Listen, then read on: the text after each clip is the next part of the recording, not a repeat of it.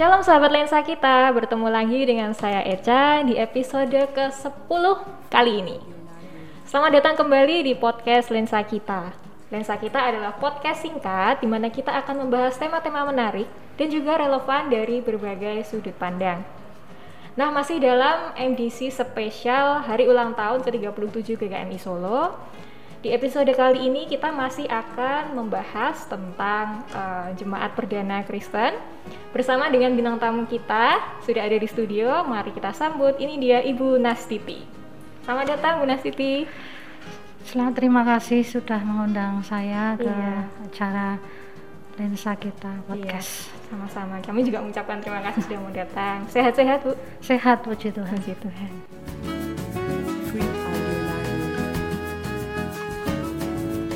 Dalam memperingati hari ulang tahun ke-37 GKMI Solo, bahasan kita masih sama dengan minggu-minggu sebelumnya, yaitu kita ambil nats dari kisah para rasul 2 ayat 41 sampai 47 dan kisah para rasul 4 ayat 32 sampai 35 yang secara garis besar membahas tentang jemaat Kristen perdana.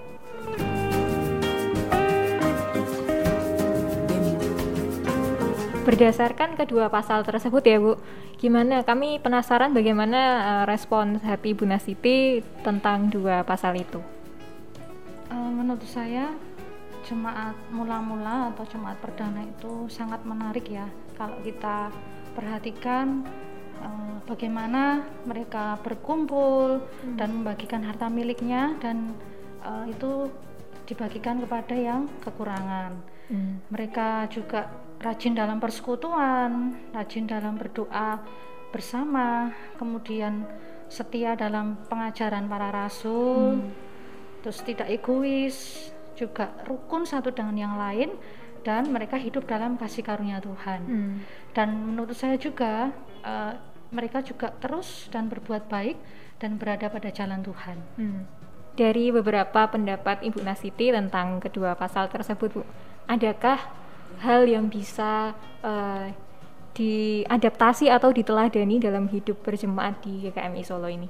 Iya, tentu saja uh, adalah yaitu selalu setia dalam hmm. ajaran firman Tuhan yang diajarkan oleh para rasul, lalu sikap peduli satu dengan yang lain itu bisa kita teladani ya. Terus bertekun dalam persekutuan, hmm. bertekun dalam doa, hmm. itu menurut saya dan semuanya itu uh, sudah Bu Nasiti temukan belum di GKMI Solo ini? Sudah menurut saya. Jadi mungkin anu ya ada beberapa poin yang lebih harus ditingkatkan lagi. Hmm. Buat pembelajaran dan refleksi kita bersama iya, ya. Iya.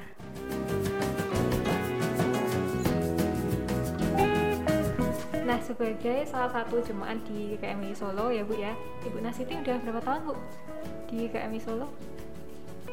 Kalau dihitung sejak saya dibaptis tanggal 19 September 1999 berarti sekitar 22 ya, hmm. 22 tahun. Cukup lama ya? Iya, tidak terasa. Hmm. Nah, selama 22 tahun uh, bergereja di sini, Bu, saya yakin pasti ada banyak pengalaman yang ibu rasakan dan ibu alami ketika berjemaat di gereja ini. Uh, adakah bisa disiarkan satu atau dua pengalaman yang paling mengesankan atau terspesial dalam hidup ibu Nasiti selama di gereja ini? Okay. Uh, saya dipercaya awal-awal sebagai pengurus di pemuda, lalu di sekolah minggu dipercaya menjadi majelis juga uh, itu membuat saya berani untuk salah satunya berbicara di depan umum oh. lalu apa jadi tahu pelayanan itu seperti apa hmm. uh, bekerja sama dengan tim hmm. teman-teman hmm. satu tim baik juga di kepanitiaan hmm. gitu kita jadi mengerti jadi belajar untuk uh, memahami karakter setiap orang hmm. lalu belajar untuk oh berorganisasi hmm. begitu jadi lebih membuat saya percaya diri hmm. gitu ada banyak ya bu ya ternyata kalau dijabarkan iya 22 tahun Ibu berjemaat di GKMI Solo dan juga dengan banyaknya pengalaman yang Ibu rasakan selama berjemaat di GKMI Solo, apakah kelebihan yang sekaligus menjadi kekuatan bagi GKMI Solo?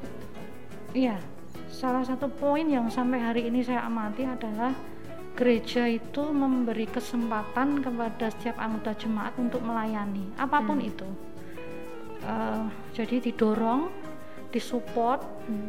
di beri ruang gitu ya jadi semua itu bisa bertumbuh berkembang dan maju bersama hmm. gitu jadi gereja kita ini kuat gitu hmm. berarti uh, kekuatannya tuh paling utama tuh satu itu ya bu ya menurut saya seperti itu antara uh, keterbukaan untuk menerima iya. pelayanan apa pun. Gitu. Iya, boleh saya tambahkan Silahkan. kepedulian satu dengan yang lain terasa sekali. Hmm. Saya rasakan baik secara pribadi maupun ketika saya mengamati itu dilakukan jemaat yang lain gitu. Hmm. Tuh, setuju. Ya. Termasuk ini ya Bu ya. Uh, ketika kelompok bermain kinasih uh, dicetuskan dan didirikan di GKM yeah. Solo, Ibu Nasiti jadi kepala, kepala sekolah, sekolah ya Bu. Iya. Bisa diceritakan sedikit Bu tentang pengalaman itu. Sudah berapa tahun berarti ya? Iya uh, saya bersyukur saya berterima kasih gereja memberi saya kesempatan hmm. untuk menjadi kepala sekolah ini adalah tahun yang ketiga hmm. KPK berdiri dan saya bersyukur walaupun waktu itu apa bisa gitu ya hmm. tapi karena dorongan dari hamba Tuhan majelis pengurus dan yang lain rekan-rekan yang lain uh, dengan dukungan support dan sebagainya akhirnya kita bisa menjalani sampai saat ini. Hmm. Lalu Bu, adakah harapan atau kerinduan Bu Nastiti untuk uh, eh, GKMI Solo di tahun-tahun selanjutnya? Harapan dan kerinduan saya untuk GKMI Solo, hmm. uh, eh, GKMI Solo semakin bertumbuh, semakin berkembang uh, dalam hal kuantitas maupun kualitas, dan juga semakin menjadi berkat bagi warga sekitar, uh, terutama untuk KP Kinasih ya hmm.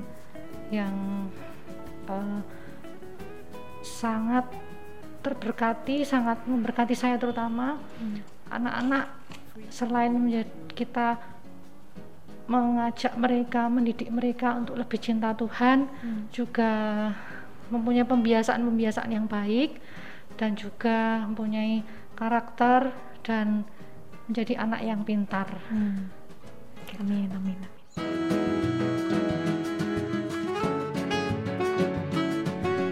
Kita sudah sampai pada akhir episode kali ini. Kita sudah membahas tentang banyak hal, terutama dengan Ibu Nasiti, di mana kita bisa mengambil teladan dari jemaat mula-mula, yaitu ada tiga hal teladan yang dapat kita petik. Yang pertama adalah kita harus setia pada firman. Dan yang kedua, kita peduli satu dengan yang lain. Dan yang terakhir adalah gimana? Bagaimana kita bisa bertekun dalam persekutuan dan juga doa. Kekuatan satu kekuatan GKMI Solo bagi Buna Siti adalah bagaimana gereja ini bisa memberi kesempatan kepada setiap jemaat untuk melayani.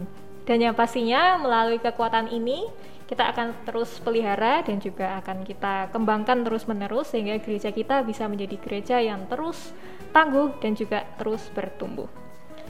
Kami juga mengucapkan terima kasih untuk Ibu Nasiti yang sudah bersedia hadir Bu di podcast kali ini. Bagaimana Bu perasaannya? Uh, saya sangat senang hmm. uh, boleh hadir di tempat ini, boleh berbagi sedikit apa yang saya tahu. Hmm. terima kasih. Kami juga mengucapkan terima kasih ya Bu.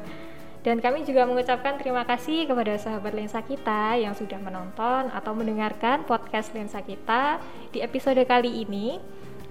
Jangan lupa untuk selalu pakai masker dan cuci tangan. Lalu apalagi Bu? Hindari kerumunan. Betul lalu kurangi mobilitas hmm. kita harus berdoa kepada Tuhan minta Setuju. perlindungan dari Dia saja tetap ikuti terus podcast lensa kita yang akan tayang setiap minggunya terima kasih sampai jumpa dan Tuhan Yesus, Tuhan Yesus memberkati.